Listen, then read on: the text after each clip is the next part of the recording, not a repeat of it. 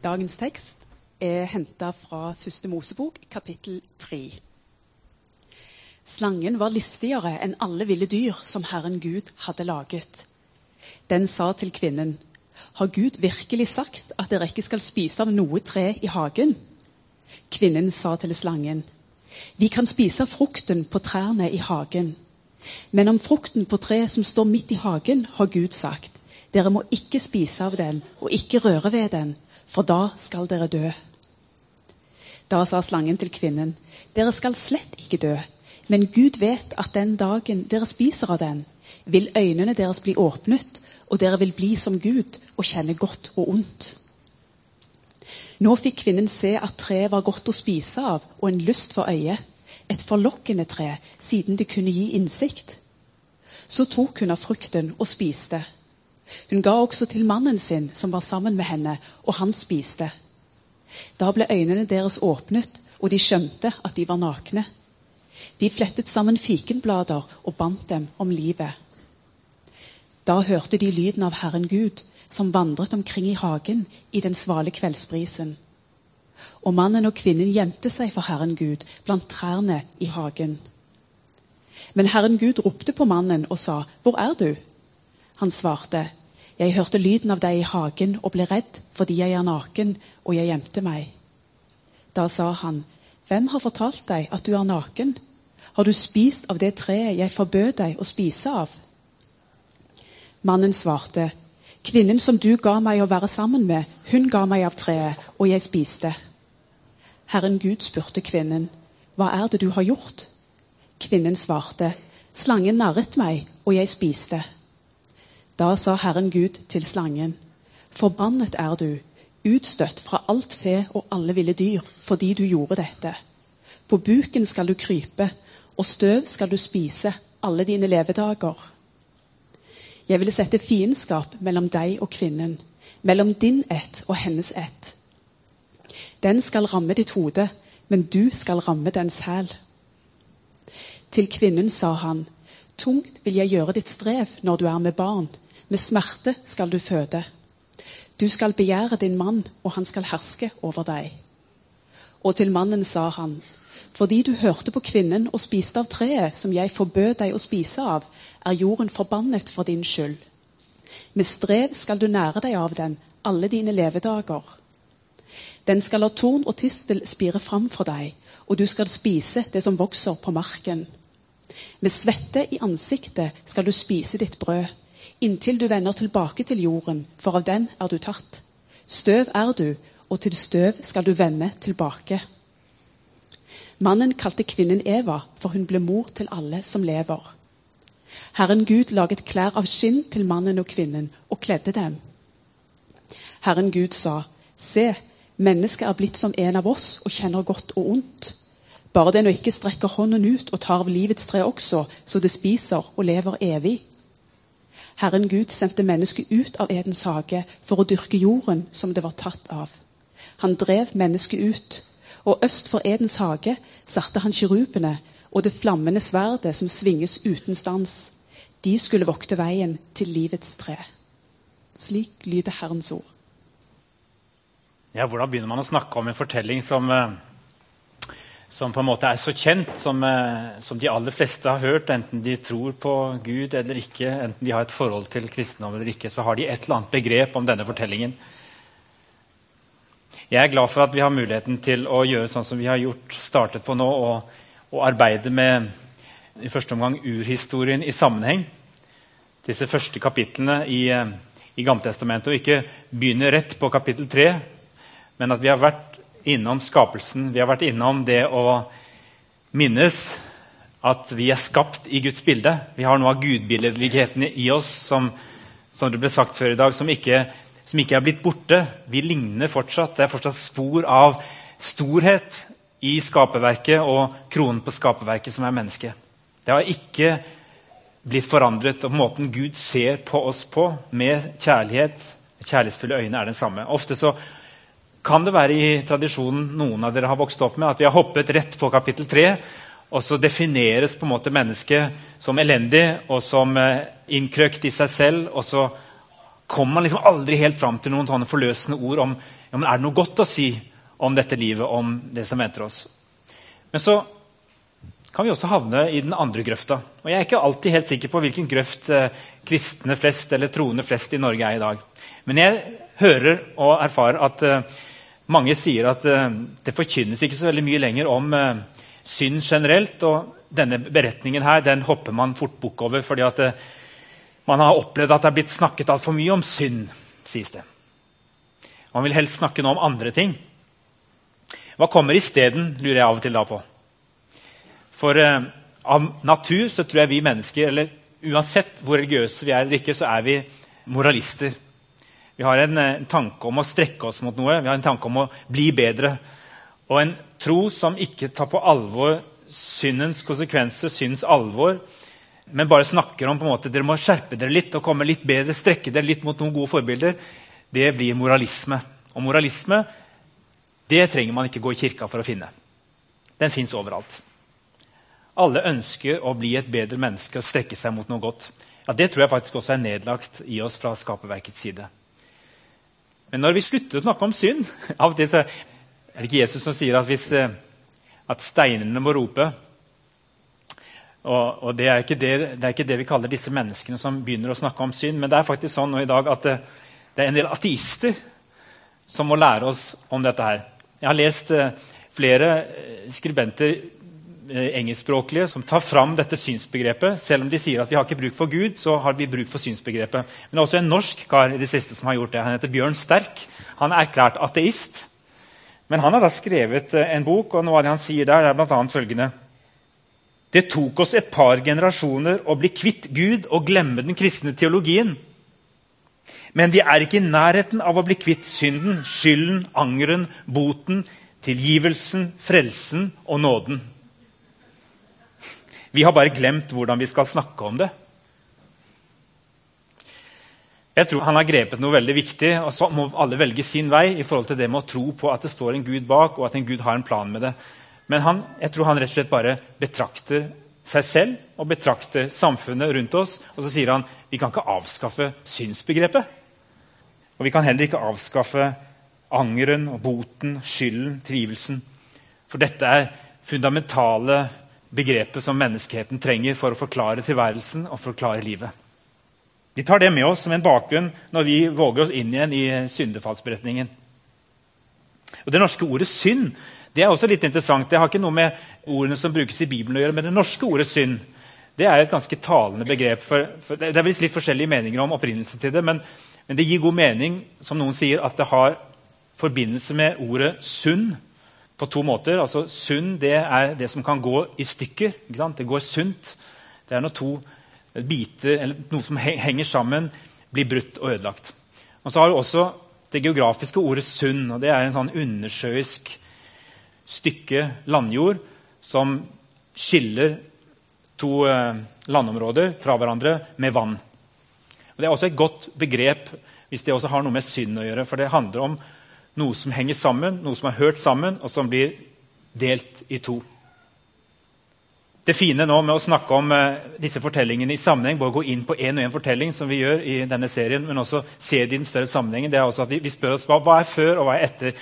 Og et lite blikk må vi ha på kapittel to. Det er lett å tenke at eh, alt som handler med potensialet for lidelse og smerte, kom med synden. Og Så enkelt er det kanskje ikke. Og Det tror jeg også er viktig å ha med seg. Det er en del ting som ligger der allerede fra skaperverket av, som var ment godt, men som også har potensial i seg for lengsel og smerte. Og Jeg vil ta, nevne tre ting. I kapittel 2 så står det det står noe først om det jeg vil kalle for gode begrensninger. Gode grenser. For grenser er et ord som både kan oppleves som negativt, men de fleste av oss vet også at grenser er positivt. Grenser er godt. Grenser setter rammer rundt våre liv, og det begrenser utfoldelsen som kan gå galt av sted. Og Det er ikke bare grenser som er satt inn der etter at vi syndet, men det var gode grenser der allerede på forhånd. Når Gud sier til mennesket du må gjerne spise av alle trærne i hagen, men av treet til kunnskap om godt og ondt må du ikke spise så etablerer Gud noen grenser. Det kan være nesten forsyne dere av alt her. Alt mitt er deres. Vi deler alt. Vi lever sammen i dette fellesskapet her i denne hagen. Alt mitt er deres. Men unntak av det ene treet som står midt i hagen, det er bare mitt. Og så går vi ikke inn nødvendigvis veldig mye å grave i akkurat hva, hva symboliserer dette kunnskapens tre.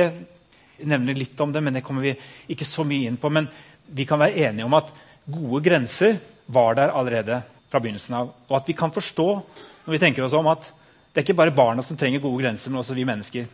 Det handler om orden i skaperverket. Og det handler om det å være menneske og det å være Gud. Og ikke bytte de to.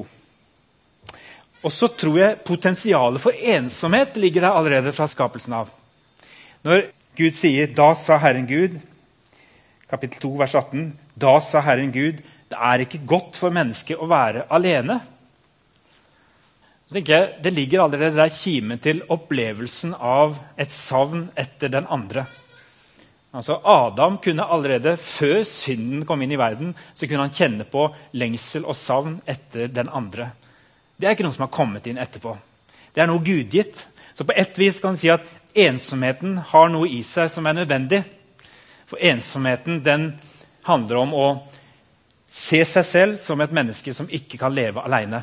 Og som må se seg selv i sammenheng med både sitt skaperverk, men ikke minst det å finne en som er ens like. Da kan jo tenke på ekteskapet, men dette sprenger også rammene for ekteskapet. Ekteskapet er et eksempel på dette å leve sammen, slik Adam og Eva gjorde. Men dette handler om menneskets kår. Det at mennesket kan ikke være aleine. Mennesket må ha andre mennesker rundt seg. Vi må ha familie på den ene eller andre måten. Og det savnet, den lengselen etter det, det er noe gudgitt. Det er noe av vår gudbilledlighet. At vi kjenner på en ensomhet når ikke de andre er der. Og så skjer det jo noe etterpå med alle de positive tingene. Når synden kommer inn og ødelegger noe av balansen i skaperverket, så blir også ensomhet, så blir også grenser, noe som kan bli forbundet med synd. Men ta med dere den tanken at ensomheten i utgangspunktet var der. Som en positiv lengsel for å minne oss på at vi er ikke individualister som kan leve alene. Og så tenker jeg at uh, det tredje er det jeg vil kalle for forlokkelsens mulighet. Når slangen begynner å snakke med kvinnen i kapittel 3 så Før hun har falt, og før dette gale har skjedd, så sier han nå fikk kvinnen se at treet var godt å spise av og en lyst for øyet. Et forlokkende tre. Her ligger noe av den friheten som vi mennesker har fått fra skapelsen av. En frihet til faktisk også å kjenne på fristelsen. Kjenne på lysten både til det gode og det onde. Det ligger der på en måte allerede. Øynene var der til å lengte etter og velge, og den friheten den, den var der allerede fra begynnelsen av. Og så En ting til fra kapittel 2, når det står i vers 25. Begge var nakne, både mannen og kvinnen, og de skammet seg ikke for hverandre. Hva betyr denne nakenheten? Jeg har jo teologer og folk eh, spekulert over til alle tider. og I perioder der man var veldig seksualfiendtlig i den kristne tradisjonen, så så, så man liksom for seg at, eh, at det, det, fantes en nakenhet som At de hadde ikke sex, f.eks. Og at sex det var noe som kom inn nærmest i og med syndefallet. Så feil kan man jo ta. Seksualiteten og seksuallivet var selvfølgelig noe av det gudgitte som kom inn i skaperverket som en, en del av det å både kjærligheten og gleden mellom mennesker, men også det å forplante og, og bringe jorden videre. Men nakenheten den må ha et eller annet symbolsk ved seg, som, som det har også i vårt språk enda i dag. At når vi, er, når vi er nakne og ikke opplever det vanskelig, i det hele tatt, så er vi på en måte uskyldige. Da er det noe sånn umiddelbart mellom oss. Det fins ikke noe filter imellom oss. Og når det filteret er helt borte, da da er det ingenting som på en måte må holdes skjult. Da er det ingenting som, skal, som vi skammer oss over. Da er vi fullstendig trygge for at motparten tar imot oss og kan tåle alt som kommer. Vi bruker det i vårt språk. altså, 'Jeg våget å være sårbar og naken', sier vi. 'Jeg våget å blottlegge meg selv'. Og da snakker vi ikke egentlig om klærne, men vi snakker om mye mer enn klær. Det lå der allerede fra skapelsen av, denne friheten umiddelbarheten, dette fellesskapet som ikke hadde de type begrensninger.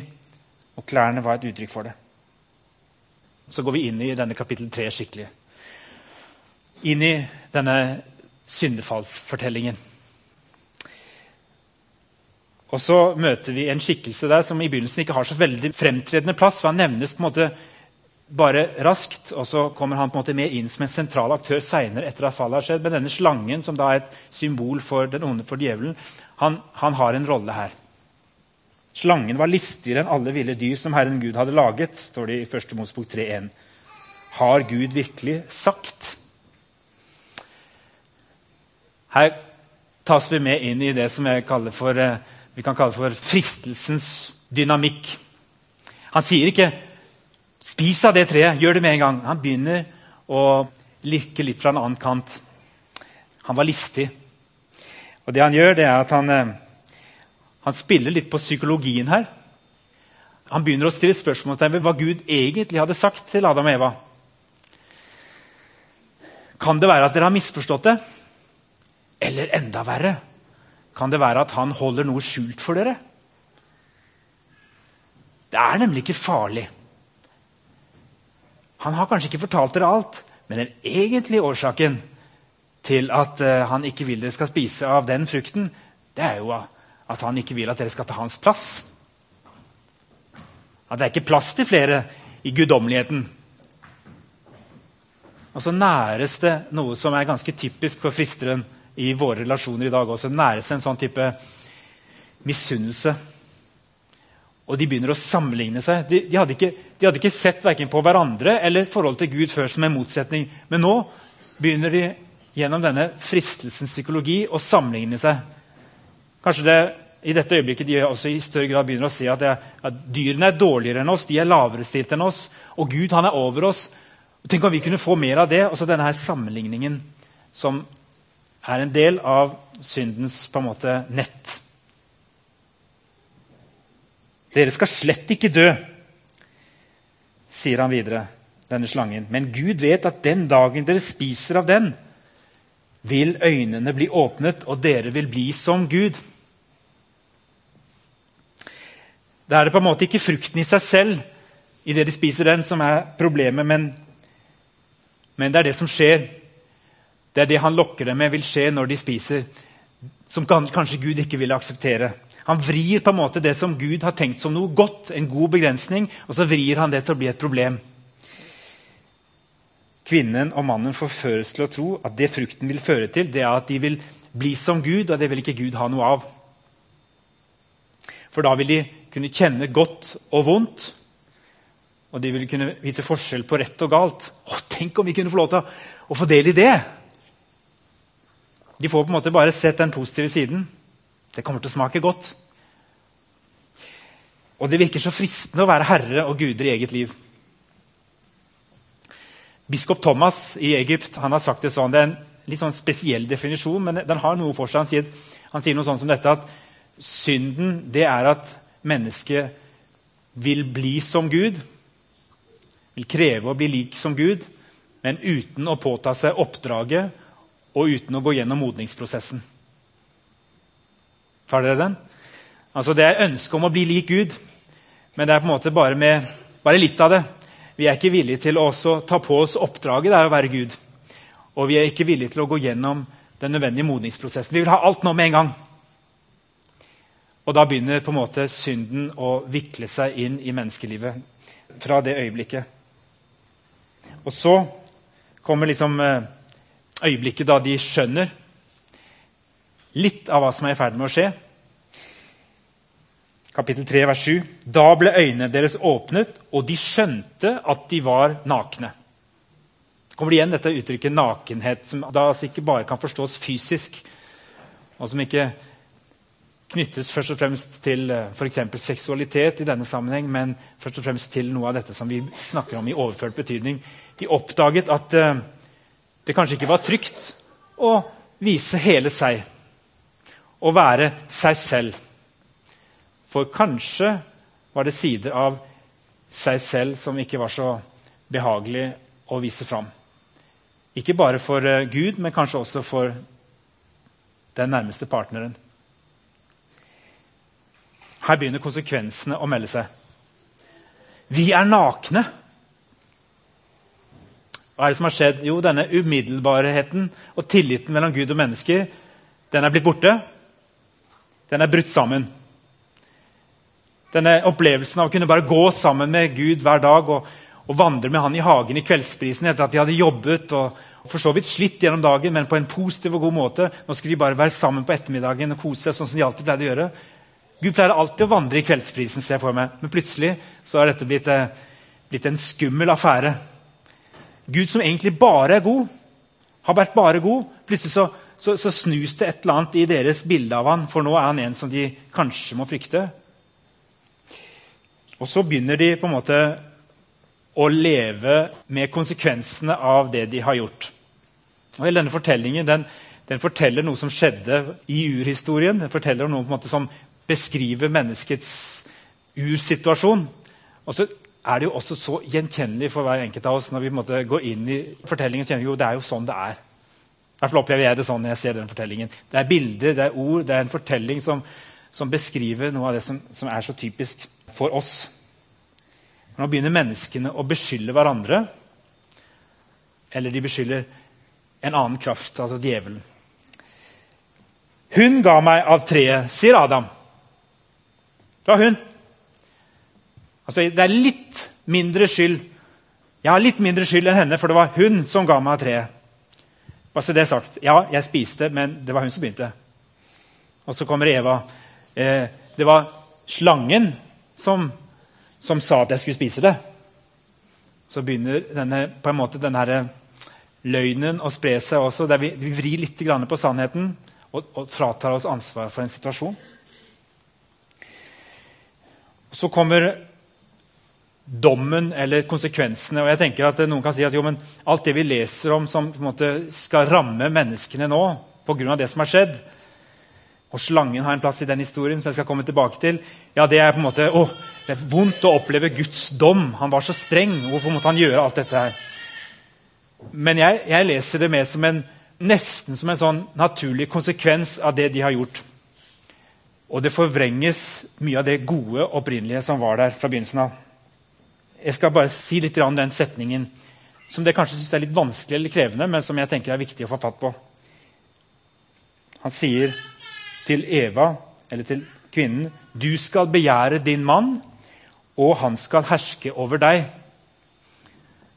Hvis vi leser det nærmest som en dom over mennesket, at, eh, at Gud sier nå, fra nå av, fordi dere har gjort det som dere har gjort det, så skal mannen nå herske over kvinnen, så, så, blir det akkurat som det er Guds vilje at mannen skal herske over kvinnen. Og dette er et negativt ladet ord. Det har ikke med, med det å være forskjellige og, og, utfylle hverandre å gjøre. Nei, her er det et negativt ladet ord. Det er kommet inn noe som har forrykket balansen. Men dette er en naturlig konsekvens. De er forskjellig skapt. Og konsekvensen av synden, sånn som det framstår her, i hvert fall sånn som de gamle trodde og snakket om det, det var at den kjønnsforskjellen ga seg ut, også utslag i ulike konsekvenser på det menneskelige plan. Nå er vi inne på et område som er litt sånn krevende. og Jeg er nesten redd for, for å bruke, vite hva slags formuleringer jeg skal ha. ikke sant? Fordi at eh, Plutselig skal jeg si noe om at ja, hva betyr det at uh, kvinnen begjærer mannen, men det går ikke den andre veien? Altså, jeg kan ikke helt klar forståelse av hva som ligger i denne kjønnsforskjellen som beskrives her. Men noen sier at det kanskje handler om at kvinnen alltid lever med et, uh, i større grad enn mannen kanskje, lever med et et relasjonssavn og får aldri på en måte fylt opp eller fylt den helhetlige til, tilhørigheten som opprinnelig var tenkt deg. Den naturlige ta imot, gi og få, men det er alltid et savn. Hva vet jeg? Og Det vil gå på tvers av kjønn, men her beskrives det som om det er noe som særlig ligger til kvinnen. Jeg synes Det er lettere å forklare og forstå den andre dimensjonen. For Det viser historien oss, og det viser også dagens aktuelle nyheter oss at det har kommet noe inn i skaperverket, inn i forholdet mellom mann og kvinne, som gjør at, at mannen misbruker en makt overfor kvinnen. Kommer i situasjoner gjentatte ganger der kvinner blir undertrykket. Det er ikke noe som ligger i skapelsen som en plan at mannen skulle herske over kvinnen, men det høres ut som det er en del av det som igjen og igjen rammer menneskeheten og, og forrykker. Er det noe rart, eller er vi overrasket når vi opplever denne metoo-kampanjen som går over hele verden akkurat nå? På en måte så er det jo noe veldig godt, for nå setter man navn på det som mange har sett og visst. Vi har levd med dystre konsekvenser av eh, misbruk mellom, av makt av menn i maktposisjoner i Kirken i generasjoner. Det har kanskje ikke vært snakket så åpent om at det skjer i samfunnslivet overalt. Og kanskje kan man kan si at hver enkelt gang ting kommer opp i lyset, så bringer det håp. For det som kommer opp i lyset, det kan man gjøre noe med. Men akkurat i dag så har jeg lyst først og fremst til å bare si at dette beskriver en virkelighet som er en naturlig og en nødvendig konsekvens av det som har på en måte forrykket balansen mellom kjønnene helt fra starten av. Hver gang det skjer seksuell trakassering, hver gang det skjer overgrep, så handler det om at mannen har på et eller annet vis kommet ut av den naturlige balansen i forholdet mellom kjønnene. Og lever med konsekvensene av det, og kvinnene lever med konsekvensene av det. Altfor mange offer for menneskets uh, synd. Og det, statistisk sett så er det jo lett å si at det er flere kvinner som lider av maktovergrep fra menn, enn motsatt vei. Så det ligger noe her som kanskje er sant. Men det er jo ikke bare et bilde på forholdet mellom mann og kvinne. Det er noe som skjærer seg inn i, i hele menneskeheten. Så vi først og fremst tar utgangspunkt i mennesker nå. Det er her det settes i gang det som driver kjønnene fra hverandre, det som driver eh, familiene fra hverandre, det som driver eh, som skaper klassesamfunnet, der de istedenfor å utfylle hverandre og jobbe sammen og se forskjellighet, kjempe mot hverandre, urettferdighet. Nasjoner bringes mot hverandre. Krig oppstår. Alt kan måtte forklares tilbake til denne balansen som er forrykket i forholdet mellom mennesker. De har ikke lenger frimodighet og mulighet til å være seg selv helt og fullt. De må dekke seg til. Så det har skjedd noe med forholdet til meg selv. Det har skjedd noe med forholdet til den andre, mennesket og menneskene, det menneskelige fellesskapet. Og Så kommer det tredje punktet, som handler om eh, skaperverket for øvrig. Og som også gir veldig god mening i dag når vi ser, eh, ser verden rundt oss. For eh, det står at fordi du spiste av treet, kapittel 3, vers 17, er jorden forbannet for din skyld. Med strev skal du nære deg. Det var ikke sånn at ikke de jobbet i hagen og jeg hadde et naturlig forhold til arbeid. Det er ikke sånn at arbeid i seg selv er en konsekvens av synd. Men det, har skjedd noe med forholdet i skaperverket mellom menneske og skaperverk som gjør at uh, plutselig så er ikke jorda lenger bare en medspiller, men den blir en motspiller. Plutselig så spiller de ikke på lag. Og det tenker jeg, Uansett hvor dyktige vi mennesker blir til å beherske jorden og utvikle ny teknologi og skape oss nye muligheter, så er også veldig mange av de mulighetene vi skaper oss, det handler også om å reparere konsekvensene av det som har gått galt. Og Noen vil si at eh, naturen går sin egen, eh, i sin egen syklus, og alt skjer sånn som det alltid har gjort, og vi har ingen innvirkning på det som mennesker. Men Bibelen sier noe annet. Altså, den sier ikke kanskje at hvert enkelt menneske har skyld og ansvar for det den gjør mot skaperverket. går kanskje ikke ned på detaljnivå alltid, men menneskeheten som sådan får hovedansvaret for at det ikke lenger er harmoni i skaperverket. Og Det bærer vi med oss som en av syndens konsekvenser. Det er ikke bare relasjoner mellom oss mennesker, men økologiske katastrofer. Når eh, vi nærmest bringes tilbake til den tilstanden som var før eh, skapelsen, der det var veldig mye hav. Havet stiger. Akkurat som det er konsekvenser av det det var for mye av før. Det kommer tilbake. Ørkenen vokser. Før eh, den andre skapsberetningen så står det at alt var på en måte ørken, og så vokser det fram liv. Men nå vokser ørkenen. Vi lever med konsekvensene hver dag av denne disharmonien i skaperverket. Det som var en sånn naturlig komplementaritet, der vi utfylte hverandre og fungerte med forskjellighet, men skulle leve nærmest som, et, som tannhjul i en klokke, så er det akkurat som om et av tannhjulene vi menneskene vi har bestemt oss for bare hoppe av og si at vi klarer oss på egen hånd. Og så går klokka en stund, men så går det bare, et, går det bare en liten stund, så begynner den å streve med å fungere. Det slo meg forrige dagen, dette her med å på en måte ville forsere At synd kanskje handler om å ville forsere noe som Gud ønsker å gjøre i sin tid og på sin måte. Det blir litt sånn som når dattera mi nå har meldt seg på til trafikalt grunnkurs for å begynne prosessen mot å få sertifikat. Og så tar hun trafikalt grunnkurs, og så kommer hun tilbake til meg. gitt at hun gjorde det, Og så sa hun jeg har tatt trafikalt grunnkurs. Nå vil jeg kjøre, pappa. Og så sier jeg ja, du får bare gjøre det, da. Nei, du får ikke det, sier jeg først, men så gjør hun det likevel. Hun setter seg i førersetet og så kjører hun ut på veien. Hun sier, jeg har jo tatt trafikalt grunnkurs. Og så går det galt. Det er på en måte noe av det mennesket gjør helt fra begynnelsen av. Vi gjør det fortsatt som voksne.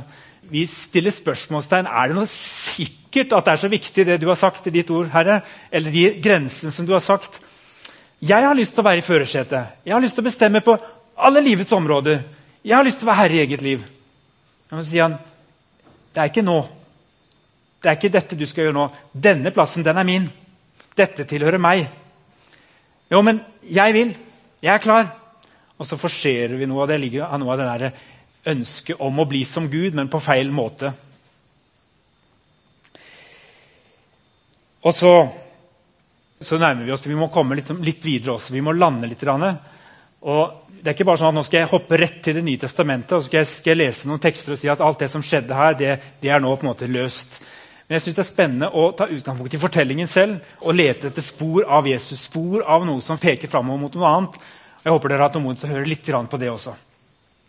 For det går en vei tilbake til hagen, og den begynner allerede med det gudsbildet som møter oss. Jeg tror ikke Gud er, høres bare snill ut, jeg tror han høres lei seg ut. Han er fortvilet over å ha mistet fellesskapet med oss og se det som skjer i sin verden. Og så ligger det også der noe av en, en, en slags strenghet. Konsekvensene kommer. Men så sier han noe rart til slangen. Han sier kapittel 3, vers 15. Jeg vil sette fiendskap mellom deg og kvinnen, mellom din ett og hennes ett. Den skal ramme ditt hode, men du skal ramme dens hæl. Det er sånn, en mystisk setning, men som jeg er overbevist om er en skjult referanse eller frampeik til noe som skal skje seinere i historien. Det aller første tegnet Noen kaller det et pro-evangelium, et, for, et fortegn til evangeliet. For eh, alle kan ha et forhold til ondskapen og vet at den ondskapens kraft er der, og at kampen mellom mennesket her representert ved Eva og djevelen representert ved slangen, den pågår gjennom historien hele veien. Det er en kamp. En ting som er viktig å få fatt i her, det er ikke en kamp mellom likeverdige størrelser.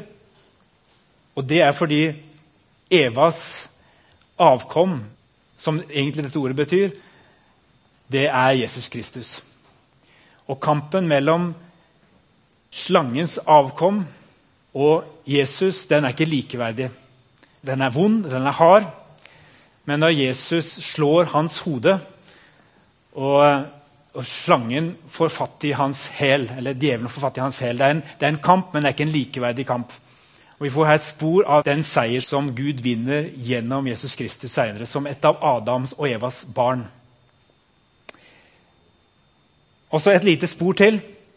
Det er når eh, Herren Gud laget klær av skinn til mannen og kvinnen og kledde dem. En sånn rar liten gest her rett før han skal sende dem ut i hagen. og Han virker på en måte ganske skremmende i sin fortvilelse og sitt sinne over det Adam og Eva har gjort. Så gjør han samtidig en sånn fantastisk omsorgsgest. For det første så handler det om en Gud som har omsorg for alle sine skapninger, uansett hva vi har gjort.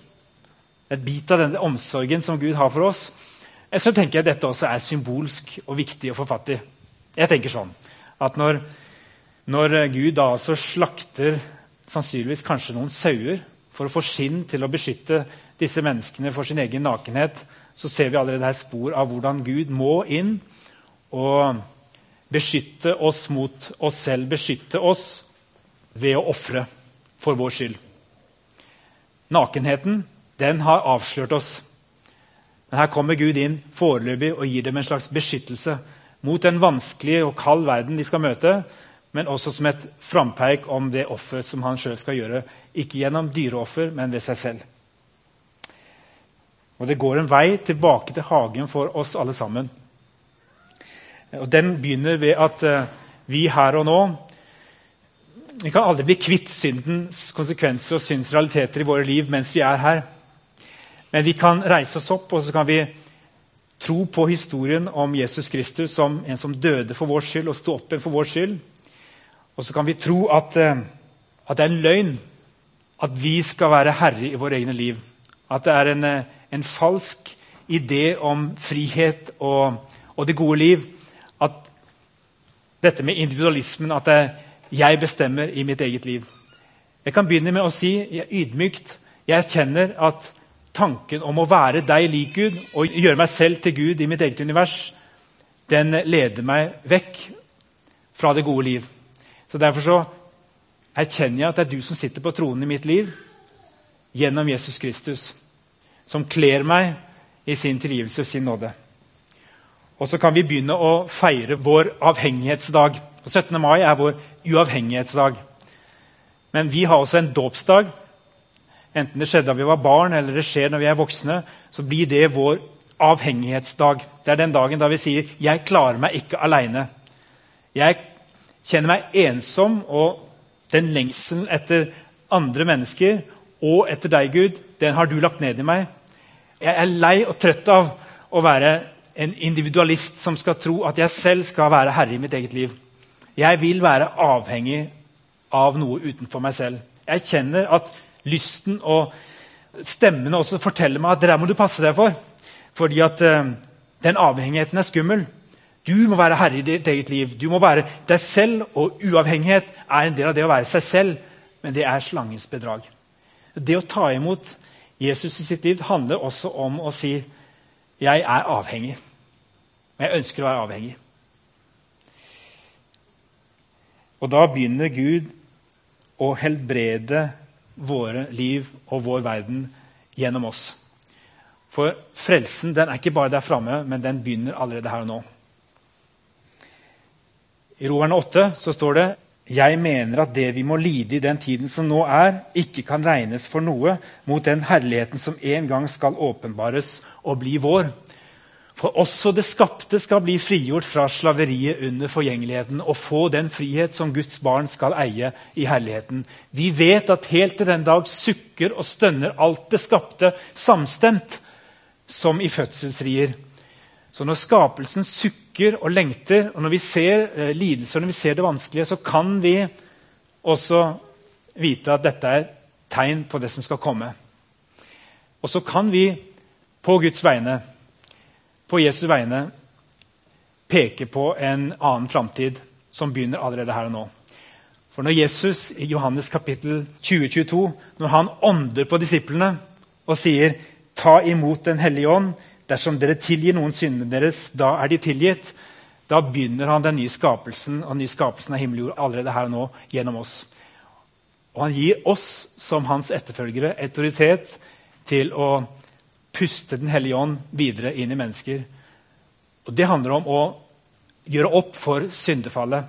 Når vi får makt og autoritet som på Guds vegne faktisk ved Jesus Kristus til å tilgi synder som kirke, så er det et uttrykk for at vi er i ferd med å skape en ny virkelighet. Som ikke bare kan være med å gjenopprette forholdet mellom mennesker som lever i konflikt, mellom familier som har det vondt og vanskelig, sykdom som holder mennesket nede, og se helbredelsen som tegn på dette, men også å begynne å se at skaperverket kommer i rett stand igjen allerede her og nå. Jeg tror ikke det bare er der framme, men jeg tror vi er kalt til å være medskapere her og nå gjennom det nye som Jesus har gjort i oss, da han puster Den hellige ånd inn i oss. Og det er sterke saker. Våger vi å tro på det? Våger vi å slippe ham til? Våger vi å se livet vårt i disse kontrastene mellom fornedrelsen som konsekvensen av synden gir gjennom hele skaperverket, og som vi kan lese om i nyhetene hver eneste dag. Mer enn noen gang akkurat nå. Og samtidig si det finnes en annen fortelling. Og den fortellingen den står vi midt i. Ta imot det Jesus har gjort for oss. Det setter ikke bare mitt eget liv i rettsstand. Det handler ikke bare om meg, for da er vi tilbake i individualismen. Men det han setter oss inn i det oppdraget han gir oss, det er i ferd med å forvandle hele skaperverket. Det ser vi med troens blikk, med Guds perspektiv. Kjære Herre, jeg har lyst til å bare lovprise deg for sannheten og, også det utfordrende og vanskelige i ditt ord, fordi vi tror at du forteller sannheten om ikke bare våre liv som enkeltmennesker, men også sannheten om våre samfunn og hele det skaperverket som vi er en del av. Og så lengter vi og stønner vi sammen med skaperverket etter full forløsning. Og så ber vi deg om at du forløser krefter i oss allerede her og nå. Sånn at uh, vi kan uh, peke på en, uh, en ny framtid. Der du allerede nå begynner nyskapelsen av en ny himmel og en ny jord.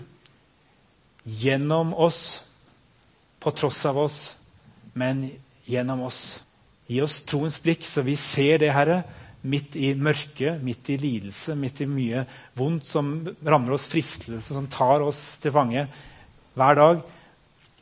Hjelp oss til å synge og fortelle en annen fortelling om våre liv og vårt skaperverk. Jesu navn. Amen.